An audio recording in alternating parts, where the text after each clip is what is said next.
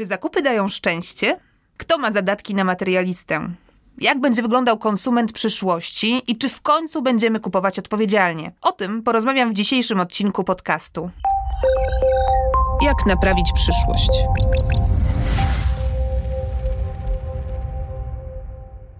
Dlaczego jesteś taki głupi? Dlaczego nie szanujesz matki natury? Ale czy zakupy nam mogą dać szczęście?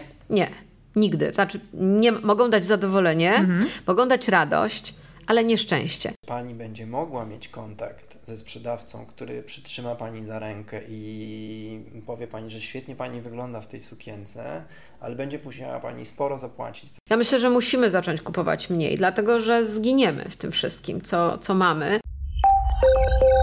Jak naprawić przyszłość?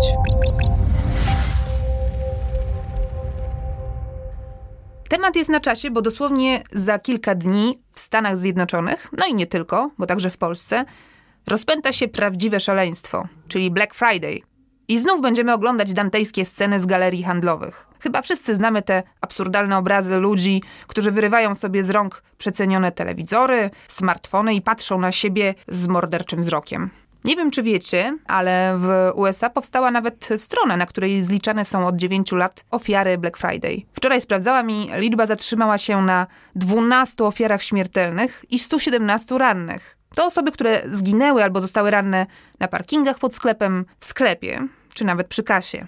Mam nadzieję, że po tegorocznym Czarnym Piątku bilans ofiar pozostanie ten sam. Oczywiście to nie przedświąteczne zakupy, ani Black Friday, ale kryzys klimatyczny jest najważniejszym tłem naszej rozmowy. Im więcej kupujemy, tym bardziej przyczyniamy się do degradacji naszej planety. Pytanie, czy zaczniemy w końcu kupować odpowiedzialnie? Czy zaczniemy zbierać informacje o produkcie, dociekać, pytać o jego pochodzenie, sprawdzać skład czy metody produkcji, zwracać uwagę na społeczną odpowiedzialność firmy, która go sprzedaje?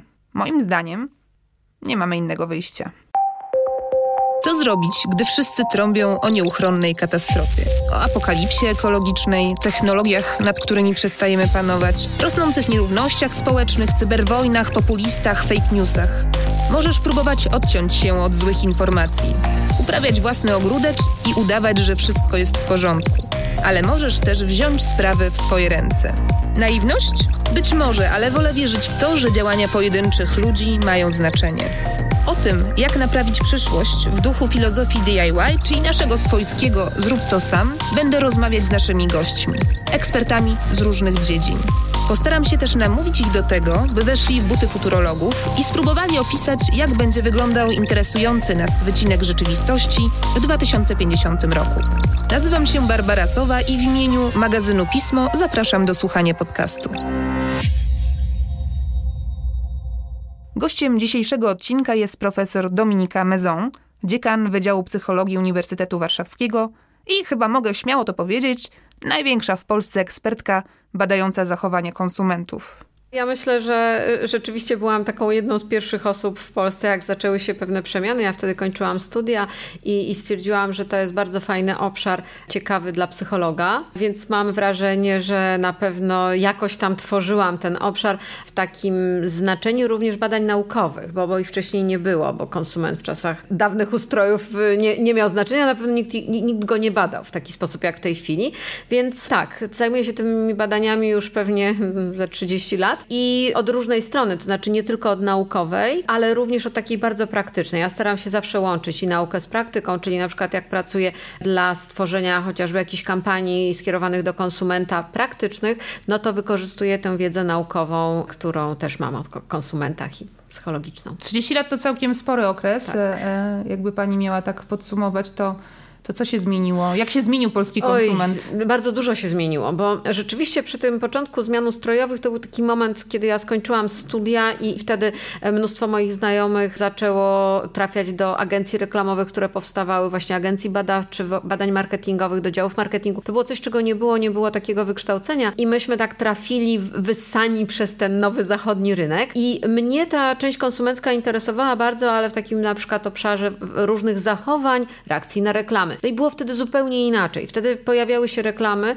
które wszyscy widzieli, były dwie stacje telewizyjne i jak się pojawiła reklama, to wszyscy Polacy widzieli, także zachodni producenci nie byli w stanie nadążyć za dystrybucją produktu, to znaczy zanim... Tak, tłumy ruszały do sklepów, do, tak? Ruszały do sklepów. I nie z powodu jakiegoś konsumpcjonizmu specjalnego, tylko po prostu pojawiały się nowe rzeczy, ludzie byli tym trochę zafascynowani. A my byliśmy wygłodniali, bo, no, bo po, po, poprzednim systemie. No więc... więc właśnie. I teraz to co, to, co na pewno widzę, to widzę taką zmianę, która z jednej strony dokonała się w e, całej Europie, bo na przykład to, że konsumenci są coraz bardziej odpowiedzialni, nawet jeżeli to nie jest masowe, ale zaczyna się, no to to jest, to jest taki trend właściwie ogólnoświatowy, bo to nie jest tylko Europa, to jest też Azja. Coraz więcej się mówi o takiej od, odpowiedzialnej konsumpcji. To się nikomu nie śniło 30 lat temu, ale wtedy była inna bardzo ciekawa rzecz, że konsumenci zachodni byli już jakoś tam dojrzali, a w Polsce nie, bo wtedy się właśnie zaczęły pojawiać pierwsze reklamy. Ludzie czasami je traktowali bardzo dosłownie,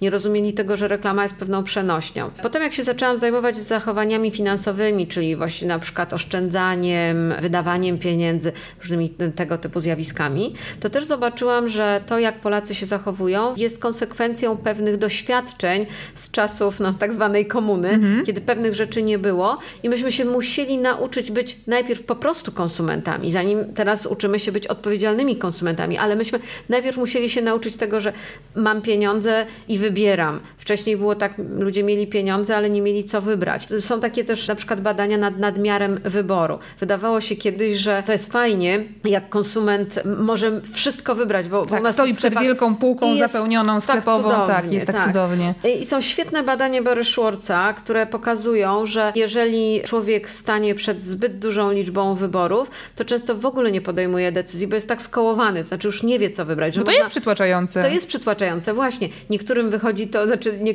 nie, dla niektórych to jest trudniejsze, dla innych jest łatwiejsze, ale to wcale nie jest tak, że danie konsumentowi takiego wyboru jest rzeczywiście dobre dla konsumenta. No to prawda, bo to też wymaga trochę pracy. Tak. To znaczy my Więcej musimy zrobić wysiłku, research, tak. my musimy sobie sprawdzić i na jakiejś podstawie tego wyboru dokonać. Tak. A jeżeli nie zrobimy tego, tego sprawdzenia, to często na przykład e, pojawia się taki żal postdecyzyjny, czy, czy dobrze wybrałem. Często podejmujemy te decyzje tak zupełnie nieświadomie. Zdecydowanie tak. Znaczy, to jest taka część moich głównych badań naukowych nad zachowaniami konsumenckimi. To jest właśnie próba zrozumienia, co jest, które decyzje są podejmowane świadomie, które nieświadomie. To nieświadomie to znaczy tak automatycznie. I ja zawsze, kiedy mówię o tej nieświadomości czy podświadomości konsumenckiej, zależy jak to nazwiemy, to ja podkreślam, że tu nie chodzi o taką freudowską zrzucanie czegoś, czego się nie akceptuje do podświadomości, czyli taką freudowską podświadomość. Ja to z takiego naukowego punktu widzenia nazywam poznawczą nieświadomością. Czyli mamy za dużo bodźców, żeby każdy bodziec dokładnie przetworzyć. Więc nasz umysł przetwarza wiele rzeczy automatycznie i są dowody na to. Dowody, które pokazują takie z, z neurobiologii, neuropsychologii, które pokazują, że pewne impulsy nerwowe od bodźca do reakcji mogą przebiegać z ominięciem kory, czyli bez tego świadomego przetworzenia informacji, bez zastanowienia się. No i co to powoduje? To powoduje, że fajnie, bo mniej tracimy czasu. Ja bym nie chciała się zajmować kupowaniem każdej, nie wiem, pudełka mleka, tracąc godzinę albo pół godziny na analizowanie każdego zakupu. Dużo lepiej jest automatycznie coś tam wrzucić i kupić, ale oczywiście są tego konsekwencje. Czasami dajemy się nabrać na coś, co świadomie zrobił producent niedobrego, a czasami po prostu brakuje pewnej odpowiedzialności w naszych zakupach. Kupujemy automatycznie za dużo rzeczy, które producentów, którzy postępują nieetycznie. No i ten, ta, ta, ta nieświadomość, czy nieświadome procesy, one mają zarówno swoje zalety, dobre strony, bo nam ułatwiają życie, ale też mają te złe strony, że trochę czasami powinniśmy powiedzieć stop. Co jest takim bodźcem w przypadku nieświadomych, najczęściej takim bodźcem mhm. w przypadku nieświadomych decyzji zakupowych reklama? To, że na przykład obejrzeliśmy sobie, nie wiem, tydzień wcześniej, czy też rok wcześniej mhm. reklamę i gdzieś tam nam utknęło, że mhm. ten jogurt to jest smaczny i ma więcej e, owoców niż inny, więc będziemy kupować ten akurat produkt, a nie inny. A może, nie wiem, przyzwyczajenie, że mama, moja mama kupowała, to i, to i ja kupuję. No więc różne są. Przyzwyczajenie jest na pewno takim czynnikiem, taka siła nawyku, która powoduje, że zawsze z prawej strony coś tam biorę. Zresztą, żeby wybić ludzi z tych nawyków, w sklepach czasami się robi taką rearanżację przestrzeni, właśnie po to, żeby człowiek się na chwilę zastanowił i kupił może coś innego. Nie to, co jest najtańsze na przykład. Ale druga rzecz to jest marka. Marka, wizerunek marki, który właśnie się tworzy na poziomie nieświadomym to, że nam się ten jogurt kojarzy z owocami i to z dużymi owocami, a nie inny, to oczywiście wpływa na to reklama, ale może też wpływać kolor opakowania, może wpływać grafika opakowania, może wpływać wiele czynników i one gdzieś na tym właśnie nieświadomym poziomie nam się, bym powiedziała, tak przyklejają do marki. I kiedy konsument jest przed spółką sklepową, to sobie myśli tak, o kupię to, bo to wygląda na zdrowe, ale często to jest tak, że gdzieś właśnie się coś w głowie zagnieździło z takiego nieświadomego skojarzenia ta marka zdrowie tak? I kupi to, mimo że wcale obiektywnie to nie musi być najzdrowsze. I my tutaj właśnie tym wizerunkiem marki, kreowanym często przez reklamę, ale tak jak powiedziałam też przez inne czynniki, kierujemy się w sposób automatyczny i powiem tak, że ja sama jako konsument często ulegam tym mechanizmom i też nie widzę w tym nic złego, bo nie chciałabym tracić za dużo czasu na analizowanie każdego zakupu. Ja prawdę mówiąc bardzo byłam zaciekawiona jednym z przykładów, który podała Pani na panelu w Krakowie, w którym razem brałyśmy udział, a mianowicie przykładu jednego z browarów. To był browar Ciechan, który zaliczył dość poważny, poważną aferę, można by to tak określić, poważny wizerunkowo, wizerunkową wtopę z uwagi na wypowiedź swojego właściciela.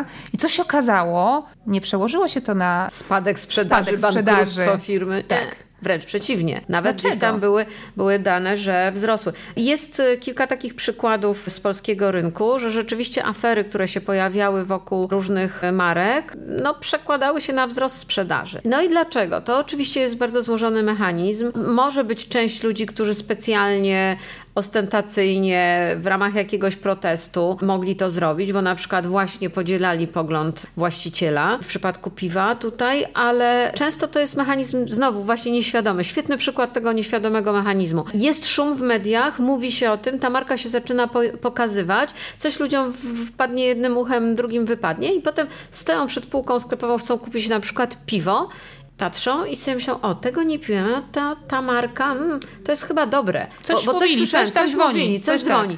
I sięga właśnie na tej takiej trochę automatycznej zasadzie. No to jest bardzo trudne, żeby jeżeli się dzieje coś złego, rzeczywiście się przełożyć, żeby to się przełożyło masowo na zmianę zachowań konsumenckich. One wtedy muszą wybić się z, te, z tego automatyzmu.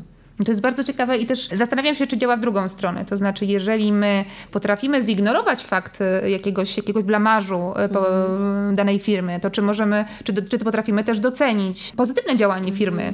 Czy to gdzieś tam się wbija w głowę i, i no, sprawia? Właśnie, bo to jest tak, ja powiedziałam, że żeby zachować się odpowiedzialnie jako konsument, musimy się z tej automatycznej reakcji wybić i wejść w taką bardziej nieautomatyczną, taką świadomą, mm, świadome podejmowanie decyzji.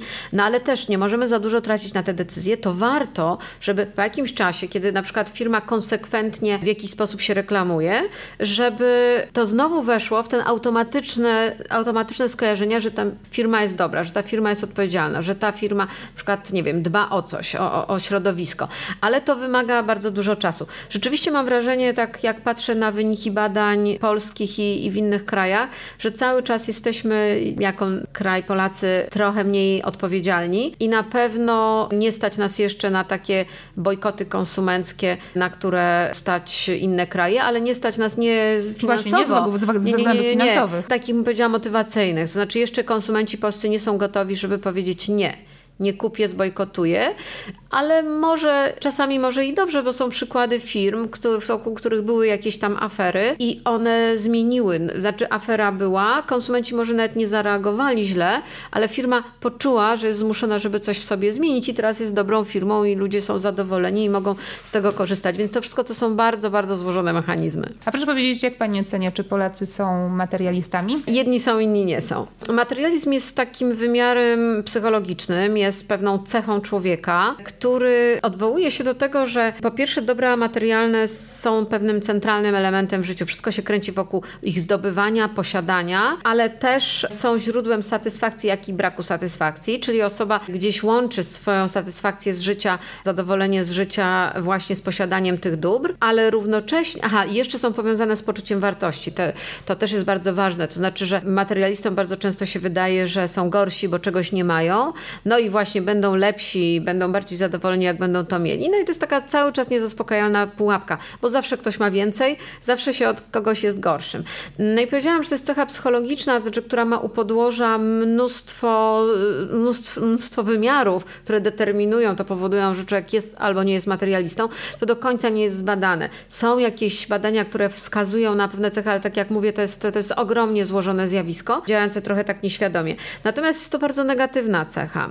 Osoby, które są silnymi materialistami, no żyją w takim, takiej ciągłej pogoni za, za dobrami, ale też w takim ciągłym poczuciu, że, że, że mają za mało, że, czyli też poczuciu niezadowolenia. I osoba niematerialista może kupić dokładnie to samo, co materialista, tylko że niematerialista będzie się cieszył i to zaspokoi jego potrzebę, a u materialisty nie zaspokoi, bo znowu coś można jeszcze lepszego, może jeszcze nowszy model, może jeszcze sąsiad ma coś, coś fajniejszego. Więc tak patrząc, właśnie, jedni są, inni są. A ja to jest tylko indywidualna cecha, czy to też może być taki trochę socjologiczny e, Tak. aspekt? To znaczy, że jeśli większa część społeczeństwa jednak hołduje takiej postawie, że, że kupowanie, kupujesz, więc jesteś, to to ma wpływ na, na pojedyncze jednostki. Ja mówię, ponieważ jestem psychologiem przede wszystkim w tym takim też moim sposobie myślenia, to ja mówię, y, że to jest cecha indywidualna, ale zdecydowanie ogromne znaczenie ma też otoczenie. Wychowanie, ale też społeczeństwo, wartości, które w danym społeczeństwie są i jakoś jest to uwarunkowane kulturowo. Może być tak, jak na przykład ja, ja też zwracam uwagę, że w, pewnym momencie przy zmianie systemu, czyli tak w latach 90., Polacy rzucili się na najróżniejsze dobra materialne. Właśnie się zachowywali jak tacy skrajni materialiści. Ale niektórzy się opamiętali. Znaczy ci, którzy nie mieli tego, to było uwarunkowane społecznie. Wszyscy coraz więcej zarabiali, na więcej było stać, coraz więcej było produktów, więc to się kupowało. Ale u części osób, które nie miały tego silnego materializmu wewnętrznie, psychologicznie uwarunkowanego, nastąpiło takie opamiętanie, że właściwie to nie o to chodzi w życiu. Natomiast u prawdziwego takiego psychologicznego materialisty nie następuje to opamiętanie. Też bardzo, bardzo ciekawa rzecz, tak jak pani zapytała o te kwestie społeczne. Ja zawsze wiedziałam, że Zachód Europy, Stany to są takie y, na, narody materialistyczne, a Azja jest bardzo niematerialistyczna. I zresztą jeżdżąc do azjatyckich krajów i, i będąc w jakichś tam wioseczkach, widziałam, że nawet jak ludzie mają pieniądze, to im tam nie za bardzo zależy na gromadzeniu dóbr. I w pewnym momencie coś się przełamało. W tej chwili, jeżeli sobie popatrzymy na najróżniejsze centra, znaczy takie sklepy oferujące najdroższe marki, to ich jest naprawdę najwięcej w azjatyckich krajach. Znaczy tam jest jakiś boom pewnych zachowań materialistycznych. Czyli to jest trochę tak, że teraz e, oni sobie odbijają, odkuwają się, w sensie... Trochę sobie odbijają, a trochę myślę, że ja zaczynam się skłaniać ku temu, że być może takich tych, tych psychologicznych materialistów jest wszędzie tyle samo. To jest po prostu pewna cecha, która ma jakiś tam rozkład normalny. Część ludzi jest bardzo antymaterialistyczna, część jest bardzo materialistyczna i część jest taka ze średnim poziomem materializmu. Natomiast to, co jeżeli na to nałożymy pewne tradycje kulturowe, że w innych, w jednych się bardziej te dobra materialne wartościuje się gromadzenie dóbr, a w innych właśnie jest to krytykowane, negowane, to jeżeli się na to nałoży, no to mamy te różnice kulturowe, więc to jest takie skrzyżowanie jednego z drugim. A po co my właściwie kupujemy? To znaczy, co nam dają zakupy? Och. Tak. Mnóstwo rzeczy. To jest tak złożone. Ta, w ogóle ta kwestia motywacji jest niezwykle ciekawą, ciekawym obszarem, dlatego że to samo zachowanie może mieć u podłoża różne motywacje i odwrotnie, ta sama motywacja może być, czy potrzeba może być zaspokojona różnymi zachowaniami. No i teraz, jeżeli mówimy o zakupach, no to możemy mieć tak, czym innym jest motywacja do tego, żeby coś posiadać i ona też może być bardzo złożona. Możemy kupić ten sam samochód, dlatego że chcemy nim jeździć i się przemieszczać, czy bardzo funkcjonalna potrzeba. Może być dlatego, że chcemy, żeby naszej rodzinie było miło i wygodniej, wtedy mamy potrzebę mniej funkcjonalną, ale taką bardziej przynależności, miłości. Możemy kupić dlatego właśnie, żeby naszego sąsiada szlak trafił, czyli będziemy mieć e, taką bardzo materialistyczną. Możemy chcieć pokazać nasz status. Mnóstwo tych potrzeb może powodować, że tak, a nie inaczej Możemy się kupować dla przyjemności również. to Oczywiście, też ale to jest właśnie, i tu chciałam powiedzieć, jedną rzecz to jest motywacja posiadania czegoś, a inną jest samych robienia zakupów. I to jest w ogóle niezwykłe, że samo kupowanie to może być robienie sobie przyjemności, to może być na przykład porcja ćwiczeń fizycznych. Często u starszych ludzi jest tak, że oni specjalnie kupują codziennie tam po, po półeczce, żeby sobie przejść, żeby mieć motywację wyjścia z domu. To może być, nawet były takie badania, w których próbowano rozłożyć te motywacje leżące u y, podłoża robienia zakupów na czynniki pierwsze i nawet odkryto takich, u, u których jest to potrzeba władzy. Znaczy wchodzi do sklepu, jest obsługiwany i może powiedzieć, proszę mi podać to, nie, nie, dziękuję, proszę mi podać coś następnego. No przedziwne, przedziwne te motywy, które mogą powodować, że człowiek tak, a nie inaczej się zachowuje. Ale czy zakupy nam mogą dać szczęście? Nie, nigdy. Znaczy, nie, mogą dać zadowolenie, mhm. mogą dać radość, ale nieszczęście. Znaczy, szczęście to jest pewna stała cecha też wewnętrzna i my tym poczuciem szczęścia się różnimy. Coraz więcej jest badań, które pokazują, że nie zależy od zewnętrznych czynników, czy nie zależy od tego, ile mamy pieniędzy, czy mamy rodzinę, czy nie mamy rodziny, czy jesteśmy rozwiedzeni, wdowcy single, czy mamy dzieci, czy mamy dobrą pracę, czy złą pracę. To nie od tego zależy. To jest znowu też pewna konstrukcja psychiczna. Pewne nieszczęścia mogą e, spowodować chwilowe chwilowy spadek zadowolenia z życia, ale na przykład badania nad osobami po wypadkach pokazywały, że w przeciągu roku zazwyczaj wraca ludziom zadowolenie z życia do poziomu sprzed. To jest w ogóle nie, niezwykłe. No i teraz dlatego mówię nie. No, czymś takim nie, nie, nie zmienimy sobie szczęścia, ale może dać świetne zadowolenie. Może dać no, coś takiego jak pojechanie rollercoasterem nie, nie da nikomu szczęścia w życiu, ale może dać chwilową super radochę, pod warunkiem, że się nie boi ktoś takich tak, rzeczy. Dokładnie. I, i, I taki wystrzał, jakiś endorfin i w ogóle jest super, jest fajnie i tak, taką chwilową euforię. Więc to nam mogą dać zakupy ale nigdy szczęście. Ja pytam dlatego, że myślę, że jakby obserwuję też czy moich znajomych i w ogóle to, co się dzieje z naszym społeczeństwem, to rzeczywiście my jesteśmy na takim etapie trochę pośrodku. Od tego właśnie konsumenta, który po prostu nie wiedział, co wybrać, bo był, bo był tak przerażony ilością towaru, do świadomego nabywcy. To znaczy my jesteśmy na takim etapie, że jeszcze za bardzo świadomi nie jesteśmy, choć już staramy się, choć już się to zmienia, ale też bardzo łatwo popadamy w taką, no właśnie, w taką pułapkę zakupów i uszczęśliwiania się zakupami. No, to jest jeszcze jedna funkcja. Uszczęśliwianie siebie zakupami mm, no, też może być na różne sposoby. Bo rzeczywiście, jak ktoś jest smutny i ma pieniądze i pójdzie sobie na zakupy, znaczy pod warunkiem właśnie, że ma pieniądze, że to nie jest historyczne zaciąganie jakichś kredytów, ale ma pieniądze, jest smutny, pójdzie do sklepu, trochę mu się humor poprawia. Dlaczego nie? Jeżeli mu to pomoże w takim podwyższeniu nastroju, to właściwie zamiast do terapeuty albo zamiast napić się mhm. alkoholu, może sobie pójść do sklepu. I też jest, jest wszystko w porządku. Natomiast jeżeli będziemy gonić za tym, jest, mamy poczucie niezadowolenia z życia będziemy gonić za tym, za tą iluzją, że te zakupy nam podwyższą to zadowolenie z życia, to jest bardzo źle, bo one nigdy tego nie zrobią trwale. One mogą chwilowo jakieś tam obniżenie nastroju poprawić niektórym osobom, też nie wszystkim. Więc to jest, to jest rzeczywiście taki problem, że bardzo często jest to iluzja, a nie naprawdę coś, co, co może dać nam, no nie to daje szczęście, ja nawet materialistom. Ja mam wrażenie, że my w ogóle trochę teraz żyjemy jednak w takim świecie iluzji, zwłaszcza iluzji nakręcanych czy kreowanych przez media społecznościowe. No wystarczy spojrzeć sobie, co się dzieje na Instagramie, jak bardzo tam jest jednak promowany tak taki model szczęścia kupionego za złotówkę, kupionego czy też za inne waluty w innych krajach. Masz e, fajne auto, masz ładnie urządzony dom, jesteś szczęśliwy, masz pięknie ubrane dziecko. E, no dobrze, tak ale ja od tak razu tak powiem, że tak, zgadza się, ale jest to pewna tylko grupa, która tak siebie pokazuje i tylko pewna grupa, która korzysta z tego Instagrama i dąży za tym. Pytanie, jak duża to jest grupa nas? Tego nie umiem powiedzieć, jak ona jest duża, ale to, co chciałam powiedzieć, to jest to, że żeby to zadziałało, to musi trafić właśnie na ten wewnętrzny materializm. Materializm rozumiany szeroko to jest też dążenie do władzy, statusu i na te osoby to, to działa. Natomiast jeżeli ktoś ma inną strukturę wartości, to spojrzy na ten Instagram i powie, co za nudy, co mnie to obchodzi. Więc dlatego ja zawsze, zawsze podkreślam, że, no, że nie możemy tak upraszczać. Też jest w badaniach nad materializmem jedna fascynująca mhm. rzecz, że Mówi się właśnie o materializmie takim bardziej funkcjonalnym, albo takim, ono brzydko w nauce jest nazywane terminalnym, ale to jest taki, taki już właśnie bardzo, bardzo mocno zakorzeniony osobowościowo. Tych funkcjonalnych jest więcej. To są osoby, które chcą mieć różno, różne rzeczy, lubią to mieć, ale to nie jest tak bardzo zakorzenione. W poczuciu wartości, w poczuciu szczęścia i nie obniża wtedy tak bardzo nastroju. To znaczy, fajnie chcę mieć, chcę mieć lepszą pracę, chcę mieć więcej zarabiać, bo lubię sobie kupić dobre ubrania, lepszy samochód i jest ok ale nie zrobię wszystkiego, żeby to tak koniecznie mieć. Nie, nie mam aż tak bardzo powiązanego tego z poczuciem wartości, nie mam tego tak bardzo powiązanego z poczuciem szczęścia. Te osoby też są, też są często definiowane, znaczy mówi się o nich, że też są materialistami, trochę mówię w zależności od tej definicji materializmu, ale to jest wtedy inny materializm. To jest taki, mam to mam, nie mam, to trudno, ale to, to nie, nie jest tragedia. Ja y, pytałam o to, czy zakupy dają szczęście, a czy zakupy mogą powodować wyrzut sumienia. Ależ oczywiście. I to jest też, y, co ciekawe, u materialistów bardzo częste.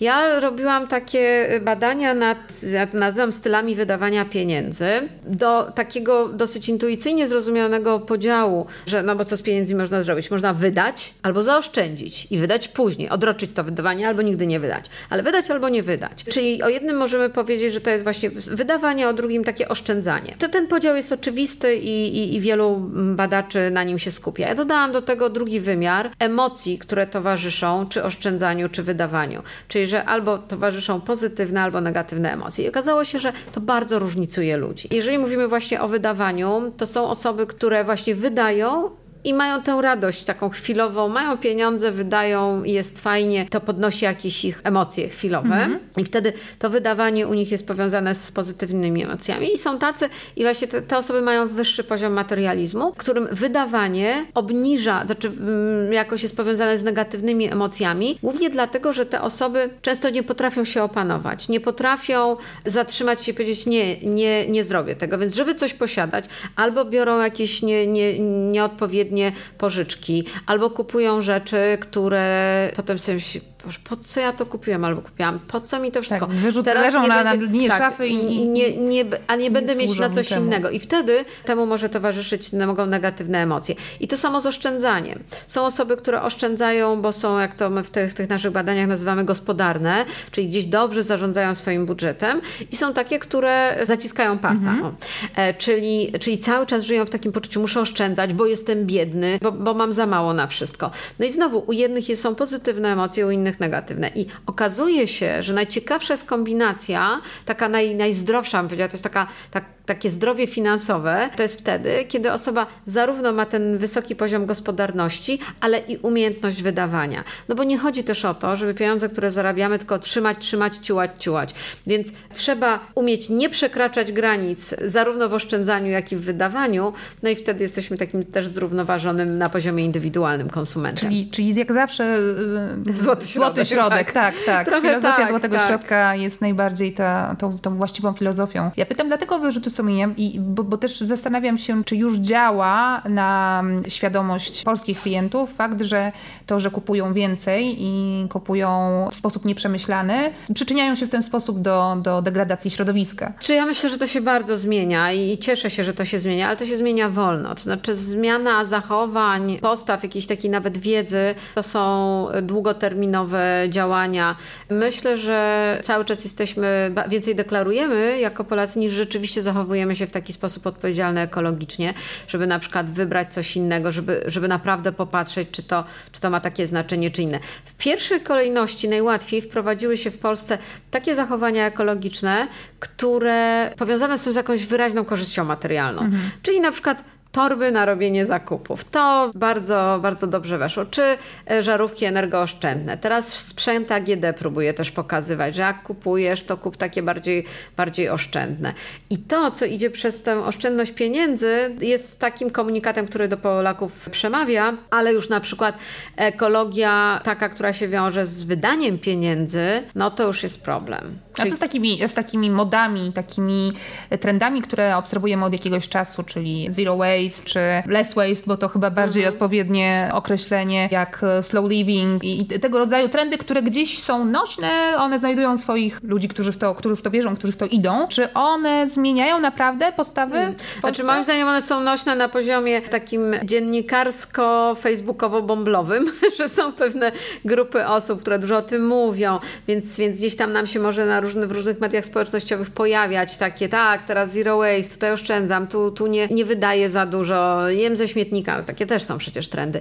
Natomiast jeśli mówimy o masowej konsumpcji, takim typowym konsumencie, to jeszcze daleko mu do, do takiego myślenia o, o, o zero waste. Żeby było śmieszniej, to właśnie emeryci są najbardziej zero waste. E, dlatego, że mają te często zwyczaje no, z różnego powodu, bo nie mają samochodu, bo mają trochę mniej pieniędzy, no więc pójdzie do lokalnego sklepiku, kupi trzy plasterki czegoś, jakąś bułeczkę i e, zjada zjada, następnego dnia kupi coś innego. Natomiast takie też zwyczaje właśnie, które powodują tę nadmierną konsumpcję, no to są zwyczaje wielkich hipermarketów, wielkich koszyków, wrzucania tam wszystkiego, niezależnie od tego, co się z tym potem połączy. I to też musimy dojrzeć do tego, że, że czasami kupienie mało w sklepiku na rogu może spowodować nawet wydanie mniej pieniędzy, a na pewno mniej waste, to prawda. mniej śmieci. Ja się zastanawiam w takim razie, co działa na wyobraźnię najlepiej dzisiaj. Gdybyśmy mieli przejrzeć rodzaje kampanii marketingowych, mm -hmm. czy jakichś takich przekazów od marek i nie tylko, bo też pewnie możemy przejrzeć na kampanie społeczne mm, organizowane przez NGOsy. Co działa najlepiej na świadomość konsumentów? Jak do nich dotrzeć? Nie ma, nie ma znowu kolejny raz, nie ma takiej recepty. My często w badaniach, które służą właśnie tworzeniu kampanii społecznych, próbujemy, mamy takie podejście badań segmentacyjnych, o których już wspomniałam, które próbują podzielić ludzi. To jest wynik oczywiście bardzo złożonych badań i takiej złożonej technologii badawczej i statystyki, ale dzielą ludzi na tych, którymi właśnie od różnych stron można ich podejść. Jednych można podejść, tak to na, nazwę, ale od strony na przykład, że, że coś zrobią, bo kochają swoją rodzinę, inni dlatego, że to teraz jest modne, jeszcze inni dlatego, że na przykład właśnie chcą oszczędzić pieniądze. I dla mnie nieważne jak, w jaki sposób, ważne, żeby to zadziałało. Nieważne jaką ludzie mają motywację. Niech to będzie nawet dlatego, że to jest pusta moda, bo, bo koledzy i koleżanki tak robią. Jak działa, to niech działa. Tu odpowiadając na Pani pytanie, nie ma jednego rozwiązania. Dobra, skuteczna kampania społeczna to jest taka, po pierwsze długotrwała i z tym jest największy problem w Polsce, że wie, wiele jest takich chwilowych rzutów, zrywów, ale to jest długotrwała, konsekwentna, ale też, która zanim się powie to, do czego się tam kampania chce odwołać, dobrze zrozumie odbiorcę tej kampanii. Dlatego, że jest wiele przykładów kampanii, które miały dobre intencje, a złe konsekwencje. Na przykład? Bar bardzo ciekawa kampania, to akurat nie dotycząca konsumpcji, ale taka społeczna, prozdrowotna. W Stanach była taka, taka kampania dotycząca badań profilaktycznych związanych z rakiem piersi. Wymyślono, że jest taka grupa ryzyka, znaczy kobiety, które miały w rodzinie kogoś z rakiem piersi i tam coś jeszcze, i coś jeszcze, i coś jeszcze. Było pięć takich ryzyk. Są bardziej narażone na raka piersi i powinny robić częściej badania. No i zrobiono tę kampanię. I kampania była w, w uproszczeniu taka: sprawdź, ile masz tych punktów ryzyka. Jeżeli masz więcej niż trzy, to koniecznie się zbadaj. Ta wydawałoby się do, dobry komunikat i dobra kampania spowodowała, że te, którym wyszło mniej niż trzy, przestawały się badać. Do tej pory się badały, a stwierdzały, to już nie mam ryzyka, tak? To po co? Chodziło o mammografię, a to, to nie jest przyjemne badanie, więc jak tylko można nie pójść na tak, mammografię, tak, to się robiło. W, w jedzeniu teraz e, też e, prowadzimy taki projekt, to, to są unijne projekty żywieniowe, Aid Food, czyli e, European Institute of Technology w obszarze jedzenia. I próbujemy, to są takie projekty naukowo-innowacyjne powiązane z biznesem, to znaczy, że naukowcy z biznesem współpracują i wprowadzają jakieś udogodnienia. Jedno z tych udogodnień czy innowacji to miały być zastępstwo oleju palmowego w jedzeniu. No i zrobiliśmy sporo badań. Instytut taki niemiecki wymyślił świetny zamiennik. Ja byłam odpowiedzialna za tę część konsumencką. W paru krajach zrobiliśmy badania i próbowaliśmy pokazać e, konsumentom, że teraz ten nowy produkt jest bez oleju palmowego i dzięki temu jest bardziej ekologiczny, no bo orangutany nie będą ginęły, mówię w dużym uproszczeniu. Jasne. A w, mhm. w drugim warunku było, że jest bez oleju palmowego i jest dzięki temu zdrowszy. I to było, badanie było robione w Polsce i w Hiszpanii. Ja się spodziewałam, że być może w Polsce mm, bardziej zareagują na ten prozdrowotny niż proekologiczny, ale nie wiedziałam. Co mnie zaskoczyło? Znaczy nie zaskoczyła mnie Hiszpania, bo tam dodanie informacji, że jest bez oleju palmowego i niezależne czy zdrowie, czy ekologia, to od razu wzrastała y, percepcja tego produktu. Produkt wydawał się ciekawszy, fajniejszy, smaczniejszy. Pozytywny odruch. Tak. Mhm. Natomiast w Polsce powodowało to obniżenie. Jak to? Dlaczego? E, no właśnie, myśmy też tego nie rozumieli. No jak to dodaje się taką pozytywną informację, a ludziom e, przestaje się produkt podobać. No i gdzieś tam z jakichś badań jakościowych doszliśmy do tego, że prawdopodobnie to spowodowało słowo bez, że mamy bez czegoś, czyli na poziomie znowu nieświadomym to powoduje, że to jest gorsze. No jak jest coś bez czegoś, znaczy, że czegoś jest za mało, że, że coś jest zabrane nam. I w momencie, kiedy jako konsumenci, a to wiemy z innej części badań, nie jesteśmy świadomi tego, co to jest olej palmowy, bo cały czas w Polsce wiedza na temat oleju palmowego jest bardzo słaba. E, niewiele, kilka procent Polaków słyszało o powiązaniu tego z puszczą na Borneo, czy, czy z tym e, innymi puszczami i że to mm, zagraża orangutanom. No to no coś tam znowu, to już o tym mówiliśmy, coś tam tak. dzwoni, ale nie wiadomo co. No i bez oleju palmowego, ale może ten olej palmowy dobry jest. No i, i, i mamy taką automatyczną To bardzo reakcję. ciekawe, bardzo ciekawe i bardzo dziwne, bo rzeczywiście przecież na tych produktach, które mamy w sklepach na półkach, coraz częściej pojawia się e, element bez, bez mhm. GMO na przykład, tak? Bez, konserwa- bez konserwantów. I to, to GMO to się pojawia nawet tak. w takich przypadku, takich produktów, gdzie tego GMO i tak by być nie powinno, tak? Mhm. Na, na, na, na zdrowy rozum. Więc bardzo, bardzo zaskakujące. Mm, ja pamiętam, tak jak pani zaczęła na początku o tym, jak się konsument zmienił, pamiętam właśnie tak gdzieś sprzed 30 prawie lat badania marketingowe, które dotyczyły proszków. Wtedy była taka moda, że proszki miały z systemem TAED.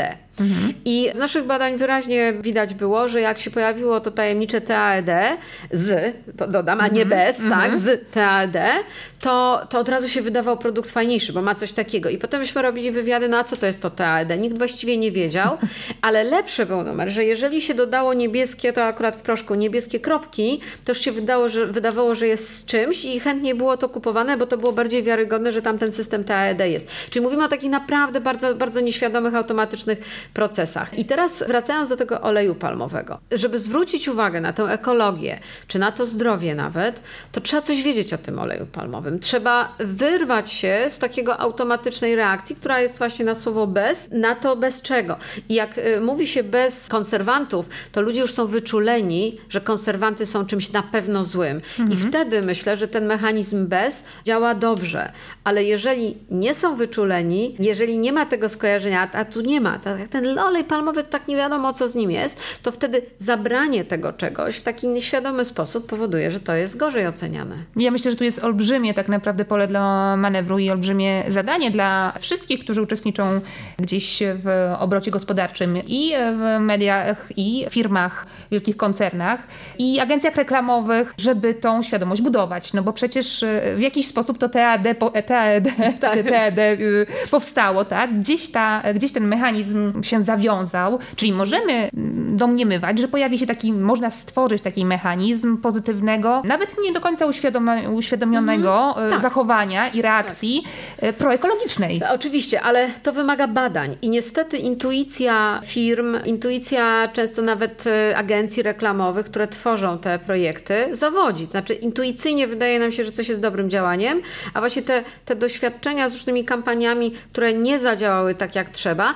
pokazują, że nie zawsze to, co nam się wydaje intuicyjne, dobrym sposobem oddziaływania będzie miało dobre skutki. Więc ja zawsze mówię, chcemy coś zmienić, to najpierw dobrze zrozummy, gdzie są motywy, gdzie są bariery i jak zmienić to zachowanie, bo, bo nie jest to takie proste. Na koniec chciałabym poprosić o taką futurystyczną wycieczkę do 2050 roku, bo to jest taki stały element e, mojego podcastu. Jak pani ocenia, czy za 30 lat to my będziemy kupować więcej, czy jednak mniej? Bardziej hmm. odpowiedzialnie. Ja myślę, że musimy zacząć kupować mniej, dlatego że zginiemy w tym wszystkim, co, co mamy. Zginiemy ze śmietnikami, gdzie będziemy wyrzucać te rzeczy, które mamy. To, to jest jakaś tam pułapka gospodarcza, w którą wpadliśmy, że e, rzeczy mają coraz krótszy termin y, działania, a szczególnie te duże, duże rzeczy i potem co robić z tymi pralkami, zmywarkami, meblami, że właśnie jest takie nakręcenie, że są nowe teraz modne kolory sezonu no i to, to, to napędza tę, tę wymianę. I ja myślę, że wiele osób się jednak opamięta i zacznie y, kupować inaczej, ale moim zdaniem to musi się zmienić coś też bardzo mocno w gospodarce, to znaczy, żeby ta gospodarka nie była napędzana e, tym, że im więcej się wyprodukuje, to lepiej, że, że Im więcej dużo... kupi, tym lepiej, tak. bo ten konsumpcja, I, konsumpcja i, jest tak. przecież e, jednym z elementów nakręcających PKB. No więc właśnie, ale y, moim zdaniem y, to, że produkty przestaną być aż tak tanie, jak są absurdalnie tanie, ja wiem, że to pewnie dla, dla ekonomistów różnych nie jest y, taki typowy, y, znaczy y, no, mo, mogą niektóre osoby nie lubić takiego mojego zdania, ale ja czasami sobie myślę, że, że to, że rzeczy są drogie, może spowodować, że ludzie bardziej świadomie wybiorą i kupią e, rzadziej, kupią trochę lepsze, ale do tego też trzeba świadomości konsumenckiej. Ja jeszcze, jeżeli mogę powiedzieć coś o tych moich eat foodach, tych mhm. programach unijnych, tych badaniach. Właśnie jedno, jeden z programów dotyczy e, świadomej, świadomych postaw wobec żywień, żywności. I cały program międzynarodowy robiony w kilkunastu krajach europejskich to jest program, żeby uświadamiać młodym ludziom, że za to, że, że jedzenie jest dobre, ale nie mówimy o smaczne tylko, ale właśnie dobre i dla zdrowia i odpowiedzialne ekologicznie i takie, które no właśnie nie powoduje najróżniejszych zanieczyszczeń, że nie ma zbędnych opakowań, że takie, takie rzeczy muszą być droższe. Znaczy, że, że to nie jest tak. Ja wiem, że były dyskusje tutaj, że a, nie zawsze to ekologiczne musi być droższe. To prawda, nie zawsze, ale jednak dobrej jakości rzeczy muszą kosztować.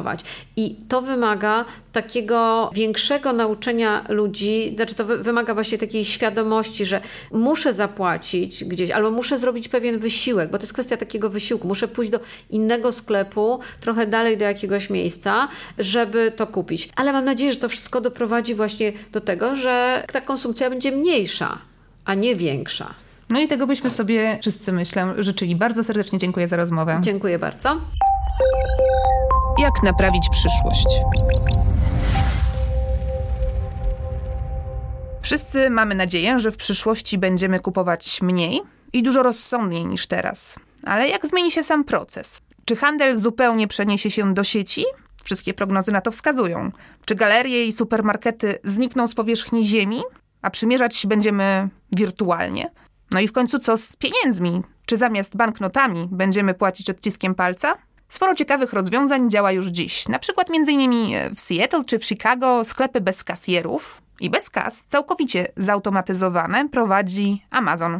Jak to działa? No, po prostu przed wejściem do sklepu musisz mieć zainstalowaną aplikację z podpiętą kartą kredytową. Najpierw skanujesz kod QR, Potem kręcisz się między półkami, robisz zakupy, a system sam za pomocą sensorów i skomplikowanych algorytmów rejestruje, który produkt wybrałeś, wybrałaś z półki. Po wyjściu suma wydatków jest ściągana z karty automatycznie. Parę ciekawych rozwiązań jest też testowanych w Polsce. O to, jak zmieni się konsument i zakupy w 2050 roku, zapytałam też e, trzech ekspertów z różnych dziedzin. Jak naprawić przyszłość?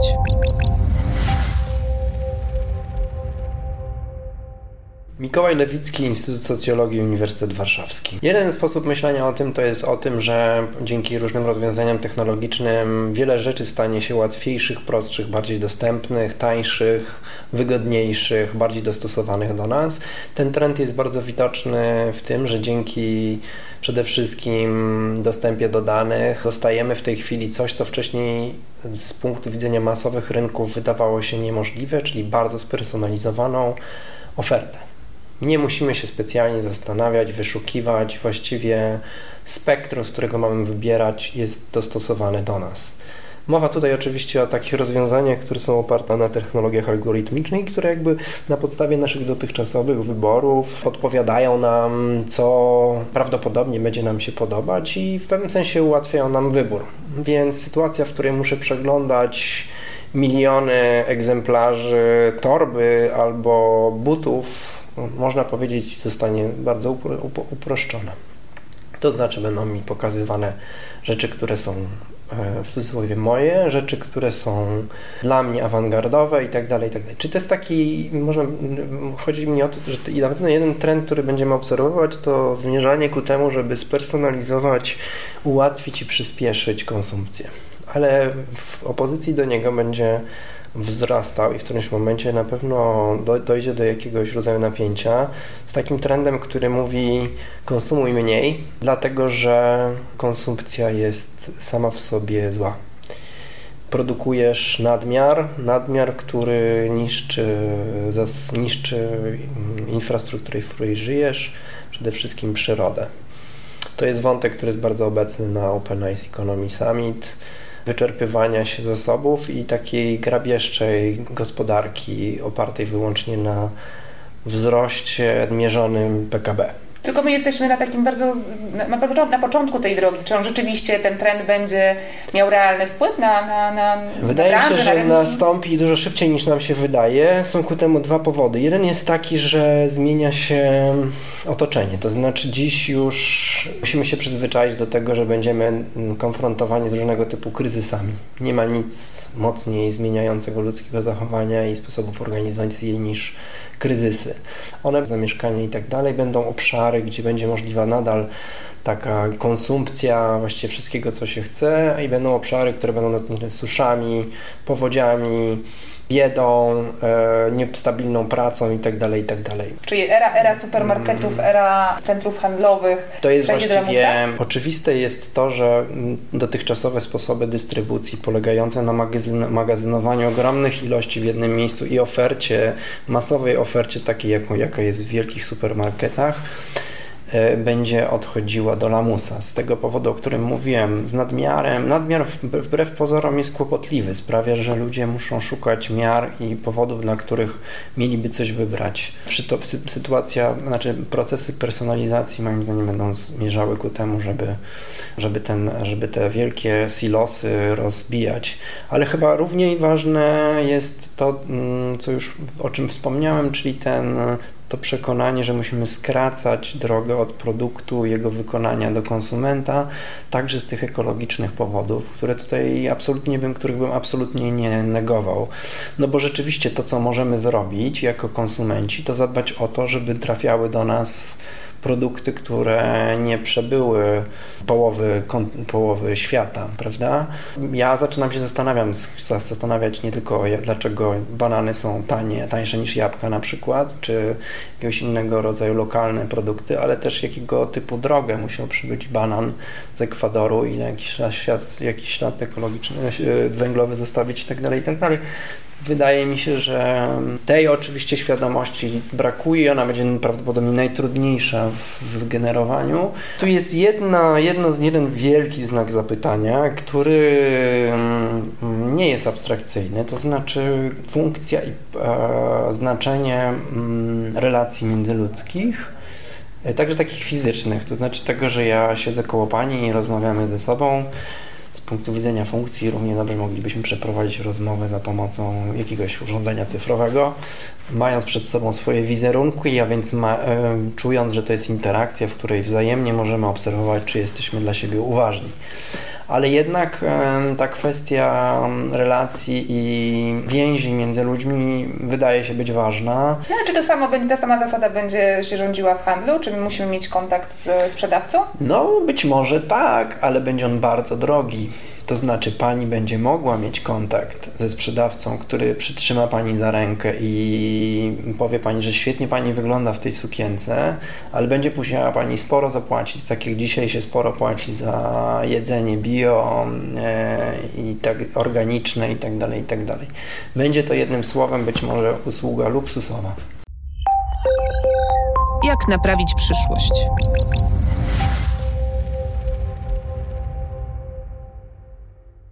Mateusz Zmyślony, dyrektor kreatywny Open Eyes Economy Summit i nie tylko, bo również zawodowo pracuje w agencji reklamowej, co do naszej rozmowy może mieć spore znaczenie. No właśnie, to zacznijmy od tej reklamy. Jak ona będzie wyglądała w 2050? Jak będzie branża albo korporacje, jak będą korporacje klientów przyciągały, jaką reklamą, jakim rodzaju, jakiego rodzaju przekazem? Mogę powiedzieć, bo chyba odważnie e, o to chodzi, w tej rozmowie, że w 2050 roku nie będzie już reklamy, po prostu. Jak to? Nie będzie, zniknie, przestanie być potrzebna. To znaczy, oczywiście mogę się mylić, natomiast my w ramach Open Eyes Economy zbudowaliśmy między innymi taki model, który nazywa się oficjalnie Marka Kultura. Ja go rozwijam komercyjnie jako Wise Brand, jako następcę Love Brand. Love Brand to jest ta absurdalnie droga torebka Louis Vuitton, której tak naprawdę no, nie trzeba. Ona jest e, tylko i wyłącznie pokarmem dla pychy. A Wise Brand to jest marka, na którą mam nadzieję, że uda nam się wywołać wielką modę w najbliższej już przyszłości. To jest ta mądra marka, która jest ekologiczna, zaangażowana społecznie I jeżeli uda nam się wywołać na nią trend społeczny, że to ona stanie się jakby obiektem pożądania, czy też e, formą ekspresji konsumenta, tak? Chodzę w czymś, na klacie noszę markę, bo nie dlatego, że ona jest, że ona jest ekskluzywna, że ona jest prestiżowa. Nie, ona jest, ona jest wartościowa, ona jest zaangażowana. To jakby ten trend już dziś widać w kilku branżach. To znaczy w branży tekstylnej, ale tej skupionej na tak, zwanej, tak zwanym outdoorze, czyli odzież sportowa, górska i tak dalej, no to w tym segmencie są w niektórych krajach e, absolutnie najlepsze wyniki osiągają te firmy, które są liderami, jeżeli chodzi o ekologię i zmiany społeczne. Mam tu na myśli rynek amerykański, gdzie graczem numer jeden jest Patagonia, która jest protoplastą zmian odpowiedzialnościowych w swoim sektorze i naprawdę działają z rozmachem. Naprawiają ubrania nie tylko swoje, ale też konkurentów. Pomagają, finansują wykup ziemi dla parków narodowych i rezerwatów. Dzieje się, chociaż absolutnie nie są święci, tak? Też popełniają błędy. Ale ty myślisz, że rzeczywiście będzie jedynym e, tym e, wyróżnikiem dla, dla i, i czynnikiem, który będzie skłaniał e,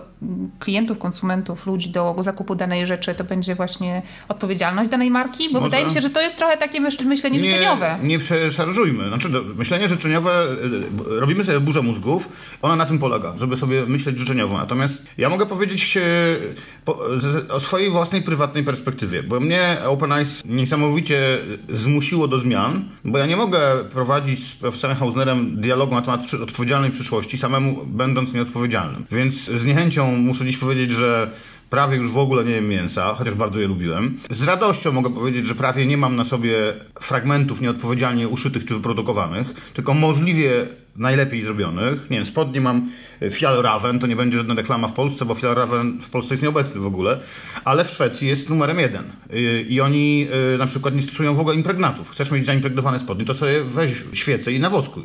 Po prostu. I to naturalną świecę, nie? Długo bym mógł wymieniać takie funkcjonalności. Jak się chce, to można. I teraz jakby najlepsze w tym wszystkim ze strony biznesowej jest to, że na tym się świetnie zarabia. To są drogie rzeczy, solidne Moje e, inne spodnie z branży outdoorowej North Face'a mam już 15 lat. I to jest przyszłość, solidne rzeczy, o, o, tym zresztą inni też mówią. Natomiast z drugiej strony, zauważcie, co się dzieje w momencie, kiedy na takie wartości postawimy. Otóż e, reklama przestaje być potrzebna, ponieważ jeżeli firma Patagonia jest wartościowa i ludzie to wiedzą, to ona się e, zaczyna komunikować społecznie. A reklama to nie jest komunikacja społeczna. I teraz ja na przykład dlatego zmieniam teraz pośpiesznie profil mojej firmy, bo wiem, że za chwilę reklama będzie passé. I my się prze szkalamy teraz do tego, żebyśmy byli specjalistami od komunikacji społecznej, od prowadzenia dialogu uczciwej firmy z pożądającymi tych wartości konsumentami. Na razie to są rzeczy w niszach, ale zależy też z jakiego punktu widzenia to spojrzymy. W Polsce o, o, oczywiście, ale już w Szwecji, tuż za y, y, kawałkiem Bałtyku, nie. W Szwecji to jest najważniejsze.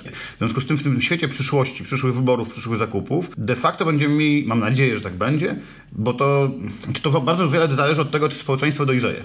No ale od tego też jesteśmy my, tak? Eduk ja się zajmuję wywoływaniem trendów i promowaniem całe życie. Jestem przekonany, że można wypromować postawę społeczną odpowiedzialnościową. To jest super, bo wszyscy ludzie, którzy chodzą w górę i do lasu, w naturalny sposób mają pewną wrażliwość, dlatego kupują tego typu ciuchy.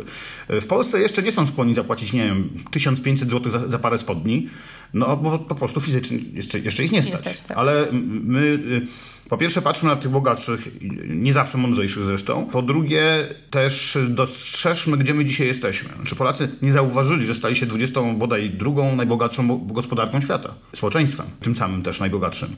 Znaczy yy, u nas gadanie, ja cały czas jeszcze na ulicach w Polsce pobrzmiewa, że jesteśmy biedni. biedni tak. Bzdura, nie jesteśmy, już dawno nie jesteśmy biedni.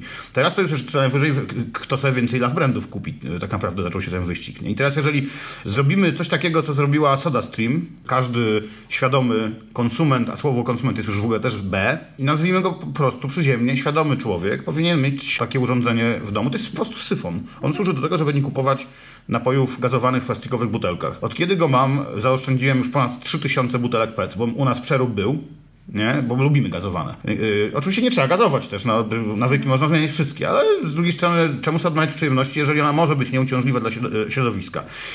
SodaStream ma taką genialną absolutnie reklamę, uwielbiam ją. Uważam, że to jest najlepsza reklama wszechczasów i serdecznie wszystkim polecam, żeby sobie znaleźli ją na YouTubie gdzieś i obejrzeli, pod tytułem Shame. Wstyd.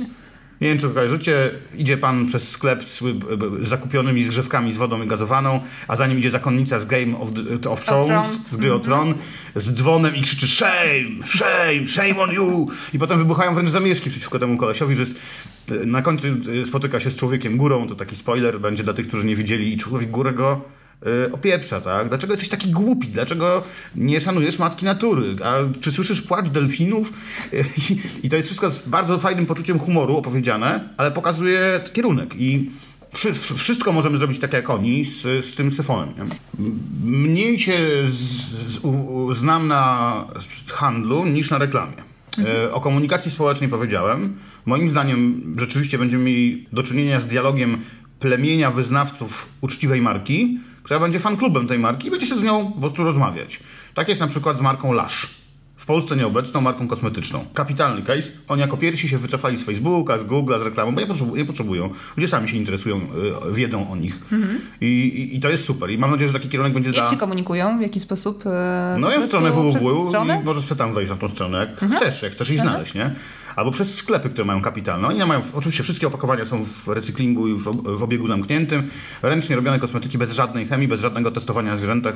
100% jest. No to jak się będą, jak będzie wyglądała ta komunikacja? To znaczy, jak się będzie marka komunikowała no, kochasz swoją markę, to idziesz do niej do sklepu, jeżeli się ostaną sklepy, tak? No właśnie. No, no właśnie, ale jakby y, y, ja chciałbym myśleć, że się ostaną, ponieważ bardzo lubię kupować na żywo i mam ogromny problem z kupowaniem wielu rzeczy w internecie. Prawie zawsze jak kupuję coś w internecie, to przychodzi coś innego niż myślałem, że przyjdzie. Więc y, niezbyt to lubię. Z drugiej strony cyfry nie kłamią.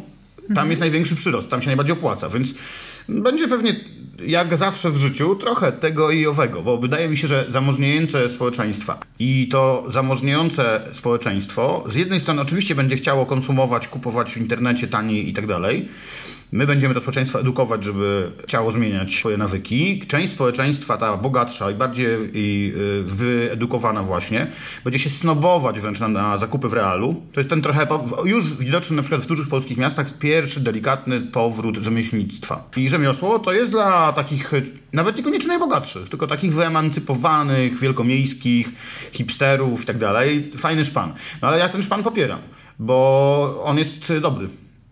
I y, pytanie, czy pozostanie modą dla elity, czy się rozprzestrzeni na wszystkich. Moim zdaniem nie pozostanie modą dla elity, ponieważ jest taka prawidłowość, że jak elita to przetestuje, y, jak firmy zobaczą, że na tym się zarabia, to będą przenosić ten model do, nie wiem, jakiejś middle class i innych poszczególnych jakichś tam segmentów społeczeństwa, a na końcu przychodzi regulator, który zawsze jest spóźniony i mówi, a teraz każe wam wszystkim tak kupować, nie?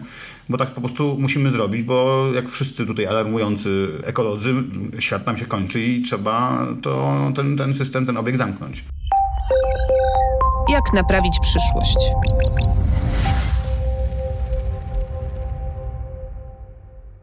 A czym będziemy płacić w przyszłości? Stare banknoty znikną na dobre? Zapytałam o to Jacka Uryniuka, redaktora naczelnego serwisu cashless.pl.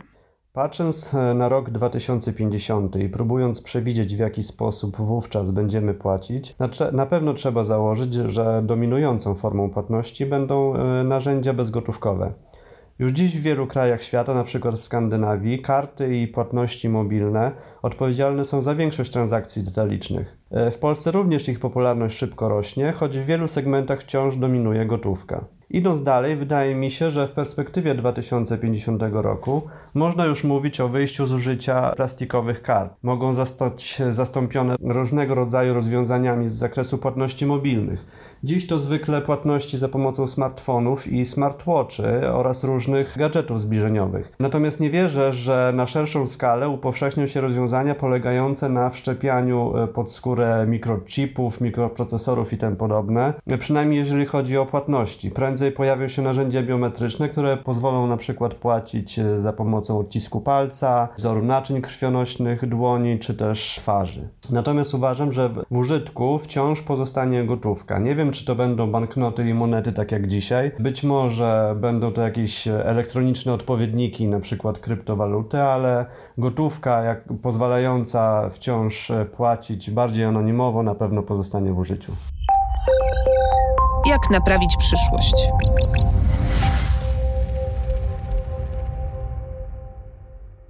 Zgadzacie się z wizją moich rozmówców? Jak waszym zdaniem będą wyglądać zakupy przyszłości? Opamiętamy się choć trochę? Na koniec tego odcinka tradycyjnie element Zrób to sam. Przeczytam wam fragment książki Arety Szpury zatytułowanej Jak uratować świat, która jest bardzo przystępnym poradnikiem o tym, jak być świadomym nabywcą. Areta już na początku podaje kilka rad. a właściwie 8 rad na dobry początek. Po pierwsze, dbaj o to, co już masz, żeby służyło ci jak najdłużej. Po drugie, kupuj z głową, odpowiedzialnie, lokalnie, tyle ile potrzebujesz. Po trzecie, ogranicz zużycie plastiku. Spożycie mięsa, podróże samochodem. Czasem nawet małe poświęcenie przynosi wielki skutek. Jeśli możesz, to już po czwarte, zrób coś sam. Po piąte, dziel się. Coś, co leży i kurzy się u ciebie w szafie, może zyskać nowe życie u twojego przyjaciela czy sąsiada. Po szóste, jeśli musisz już coś wyrzucić, to miej świadomość, jak to zrobić dobrze. Traktuj śmieci jak cenny surowiec. Nie odpad. Po siódme, edukuj. Siebie i innych. Niewiedza to nasz główny wróg. No i po ósme, nie siedź bezczynnie. Działaj. Jeśli macie jakieś pytania, wątpliwości albo pomysły na tematy, które powinniśmy poruszyć na łamach pisma w czasie naszych debat albo, albo w podcaście, piszcie do mnie w komentarzach lub na adres mailowy barbara.sowa magazynpismo.pl. Słuchaliście trzeciego odcinka podcastu Jak naprawić przyszłość? Ja się nazywam Barbara Sowa i na kolejny odcinek zapraszam Was za niecały miesiąc. Do usłyszenia. Jak naprawić przyszłość?